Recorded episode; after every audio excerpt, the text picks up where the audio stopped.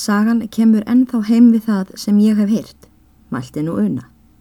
Einungis mismunar því að ég vil láta það vera tíu ár sem Kongsson var í hallinum og að kongurinn hafi ekki fengið lovorðið fyrir honum fyrir eftir tíu ár. Nei, mælti Hannes. Átta ára voru það og kvorki meira nýminna. Heldurðu að þú, Una, vitir þetta betur en hann Hannes, mælti Björg. Við megum vera viss um að hann Hannes fer ekki að segja söguna öðruvísi en hún gekk til. Eftir þessi orðaskipti hjælt Hannes áfram að segja frá. Þegar Kongsson hafði dvalið átta ári hellinum, því átta árin voru það og ekki tíu, og fugglin var orðin svo tamur sem fyrir var sagt, kom hellisbúin eitt kvöldið að máli við Kongsson og sagði Nú er komið að því ásmundur minn, að við þurfum að takast ferð á hendur og skaltu ekki láta þér bregða þótt eitthvað undarlegt kunni að koma fyrir þig. En ekki skaltu yrða á mig á leiðinni eða spyrja mig neins. Það er þér ekki til neins því ég svara því ekki. Að svo mæltu gekk vermundur innar eftir hellinum. Þá er myrt var orðið af nótt, lauk upp skríninu með likli sem hann bar á sér. Tók þar upp dýrindis ábreyðu, gullsaumaða og sömu leiðis lítinn hamar og söng við í hamrinum er hann snerti skrínbarminn og stakk vermundur hamrinum í vasasinn. Síðan tók hann hestin og teimdi fram í hellismunan og lagði á hann ábreyðuna. Hún var svo mikil að hún tók yfir bak hestinum og makka og faldi vermundur hið bjarta fags með ábreyðunni til þess að för hans yrði ekki séð. Þá leisti hann fugglin og bauð kongsinni að bera hann á aukslinni. Let því næst kongsson á bak og settist sjálfur fyrir aftan hann og tók síðan haldi á tauginni sem á fugglinum var. Eftir það tekur hann til máls og segir við hestin. Rendu, rendu faksi fljótt og flyttu mig til dvergs í nótt. Og jafn skjótt sem þessu orði var sleft tók hesturinn á rás út úr hellistyrunum og lögst aftur hellirinn sjálfkrafa að baki þeim að því er kongsinni virtist. Hesturinn rann út í loftið og kom hvergi nærri jörðu og fór hann yfir skjótara en fuggl flýi. Ekki töluðust þeir við á leiðinni og þótti kongsinni fyrst sem færi þeir yfir afar mikið haf en er hafinu laug tók við þurrlendi látt því næst fjöll og fyrnindi og fór hesturinn í loftinu yfir allt þetta með þvílikum hraða að Kongsson undraðist mjög. En þó þorði hann ekki að erða á húsbónda sinn eða spyrja hann hvert þeir væru að fara. Loksins er komin var næri dögun, nam hesturinn staðar hjá stórum steini og fór þá vermundur að baki. Nú erum við komnir í Kongsríkið Saksland mælti hann til Kongssonar um leið og þeir stigu að baki. Og likur það 400 mílur frá voru landi og er Kongshöllin hér í nánd. Skaltu nú hverki breyta út af því sem ég legg fyrir þig, því að þar er undir komin hamingja margra manna. Að svo mæltu tók vermundur upp hamarinn, sagði Hannes, og löst steinin þrjú högg og söng þá í hamrinnum lögst þá steinin upp samstundis og kom út steinbúin sem var dvergur. Þeim vermundi og dvergnum fórust þessi orð í milli. Þar sérðu mig að loksins. Er allt við sama? Hvað vermundur? Allt er við sama, svaraði dvergur. Hefur ekki vaknað grunnur? Spurði vermundur. Jú fyrir löngu, ansaði dvergur. Vel hefur mér dugað hesturinn þinn mælti vermundur. Og ráðin vona ég einnig. Nú ráðin einnig. Mælti dvergur og varð gladur við. Já, svarar hinn. Hér er maðurinn kominn og allt undirbúið svo vel sem hægt er. En hvað líður meginum? Vel, svaraði dvergur. Þær eru alltaf þjónustu megar drottningar. Að svo mæltu gekk dvergurinn inn í steinin og vermundur með honum og tók með sér fugglin en Kongsson stóð úti fyrir litla stund og hesturinn. Síðan er þeir höfðu talast við í steininum, kom vermundur út aftur og tók í hönd kongsinni og leiti hann í steinin. Hér áttu að dvelja til kvölds og hafa fugglin hjá þér, valti vermundur. Skaltu verja tímanum til þess að yfka fugglin í að nefna nafnið Helgi Kongsson. Síðan gengu þeir á burt, dvergurinn og vermundur og vissi Kongsson ekki hvað um þá varð, en þeir luktu steinin að baki sér. Kongsson tók að litast um í steininum og sá þar að fágæta og undursamlega hluti er hann hafði aldrei séð fyrr á æfisinni. Hann sá þar að fágætustu smíðiskreipi úr gulli og gemsteinum, suma fullgjörfa en sumir voru í smíðum. Og enn sá hann þar herrklæði, svo fögur að ljóma lagði af og gullreikið sverð hjekk þar á vegnum og síndist vera völundar smíð. Kongsson starði með undrun á þetta og annað fleira sem bar fyrir auguhónum í steininum og þótti sem margir hlutir væri þar slíkir er hann kunni eigi nöfnum að nefna. En sem hann hafði undrast þessi fádæmi um hríð, tók hann að hjala við fugglin eins og vermundur hafið sagt honum og gekk nú greitt að fá hann til að nefna nafnið og hafði fugglin engu glemt á leiðinni en er komið var kvöld, þá komið þeir aftur, vermundur og dvergurinn og bardvergurinn vistir á borð sem þeir neittu af allir. Að afloknum snæðingi segir vermundur við Kongsson á þessa leið. Nú áttu að ganga fyrir kong og drottningu í kvöld í höll þeirra, þar sem hyrðin öll situr að drikju. Skaltu hafa fugglin á auksl þér þegar þú gengur í höllina og mun þá verða að færður að stóll og skaltu setja fugglin á stólinn og í sama byli koma honum til að nefna nafnið Helgi Kongsson. Síðan mun ég taka til minna ráða en mikið rýður á að þér fallist ekki hugur við þetta. Eftir það kvöttu þau ertu verkin og gengu sem leiði lág til hallarinnar og var þá orðið full dimt.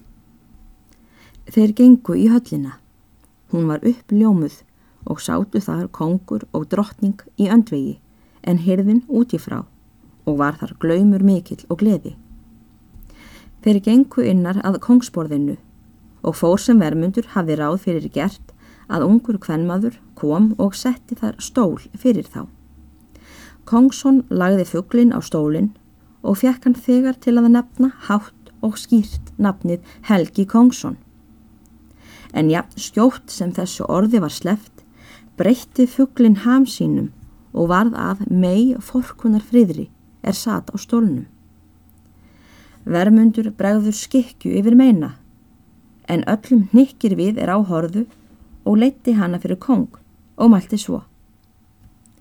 Hér færi ég yfir, herra, dótturiðar, þá er hvarf fyrir tíu árum síðan og er hún nú loks leist úr þeim álögum er tröllskessan drottningiðar lagði þá á hana. Kongur varð frá sér nömin af undrun og fögnuði þegar hann kendi dóttur sína er hann hugði löngu glataða. En ekki vildi hann trúa að drottning hans hefði átt svo illan hlut að máli. Þá gengu fram hirðmegar tvær og voru þær hinnar sömu og áður hafði horfið með kongsinni og vottuðu fyrir öllum að þær hefði oft séð drottninguna bregðast í tröllslíki þegar hún væri einsumul og eiga þá samblendni við örgustu flóð og nú hefði þær komist á snóðurum að hún hefði ráðið að drepa kongin mannsinn innan fára daga og alla hirð hans en leiða þangað aftur þursalið og risa ættingja sína skildi þeir svo gramsa í öllu utan hallar sem innan en sem hirðvegarnar höfðu mælt þessu orð, hvarf drottningin skindilega úr hásætti sínu. Þeir vermundur og Kongsson fóru þá út úr höllinni og stóð þá hesturinn góði úti fyrir dýrónum og hafði dvergurinn fært hann þangað. Vermundur let Kongsson stíga á bak hestinum og settist sjálfur að baki honum. en í sama byli sem hann fór á bak heyrir hann að drottningin kemur í flagðs líki og kallar hástöfum. Komið þið, skakkur, blakkur, þrýhöfði og þursi, allir bræður mínir með allt ykkar lið og drepum fyrst Vermund og Kongsson og síðan Kongin, mannminn og hýrið hans alla. En sem Vermundur heyrði þetta, mælti hann skjótum orðum til hestsins. Rendu, rendu, faksi fljótt og flyttu Kongsson heim í nótt. Og þauðt hesturinn af stað í sama bylli og flög í loftinu og lísti fags hans í náttmyrkrinu. Þeir vermundur heyrðu að tröllalíðurinn sótti fast á eftir þeim. Hefðu þau bröðist í flugudrega líki og geistust áfram með sköllum og gauragangi. Frá þessum seinasta kapla sögunar hef ég reyndar heyrt sagt nokkuð öðruvísi. Mælti una nú til að Hannesar þegar hann gerði andartags hlið á frásögu sinni. Kann vera, en ég skal segja þér una góð, að það kunna ekki allir þessa sögur rétt mælti Hannes og hóstaði við. Blessuð una, sagði Björg, vertu ekki að taka fram í söguna. Þú þart ekki að hugsa að þú kunnir hana betur en hann Hannes. Síðan mælti hún til sessunautar síns. Æ góði Hannes, háfram með söguna. Það er svo skemmtilegasta saga sem ég hef heyrt. Það er líka auðheyrt á öllu að það er sönn saga. Hún er ekki eins og að bansettra lígasögunar sem hann Jón hérna eldri er að segja okkur stundum. Já, áfram með sögunagóði. Hannes tók upp aftur þráðun í sögunni og malti. Vermundur breyti ekki yfir fags hestsins í þetta skipti því að hann ætlaðist til að tröllin skildi ekki missa sjónar á þeim í náttmyrkrinu.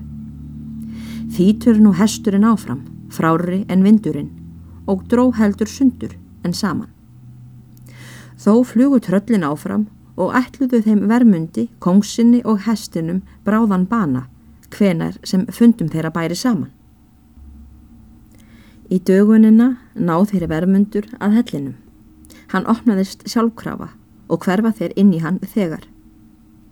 Er nú vermundi kapp á að geta náð skríninu og komið því undan áður en tröllin komi. Þetta gjörir hann og á svip stundu, fer inn í afhellin og tekur skrínið. Síðan opna sig fyrir honum leinidir í afhellinum og fara þeir þar út.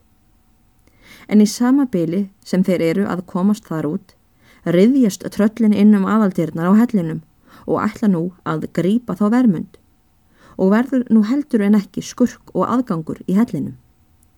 Þá löst vermundur með hamri sínum bergið á einum stað og sjá, hellirinn tók að hrinja sundur og saman með svo voðalegum brestum og ógangi að fádæmum sætti. Hrundi þá um leið stykki mikið úr fjallinu en tröllin urðu undir og drápust með veini og óhljóðum. Hamingunni sér lof, mælti nú Björg, er hún herði þetta.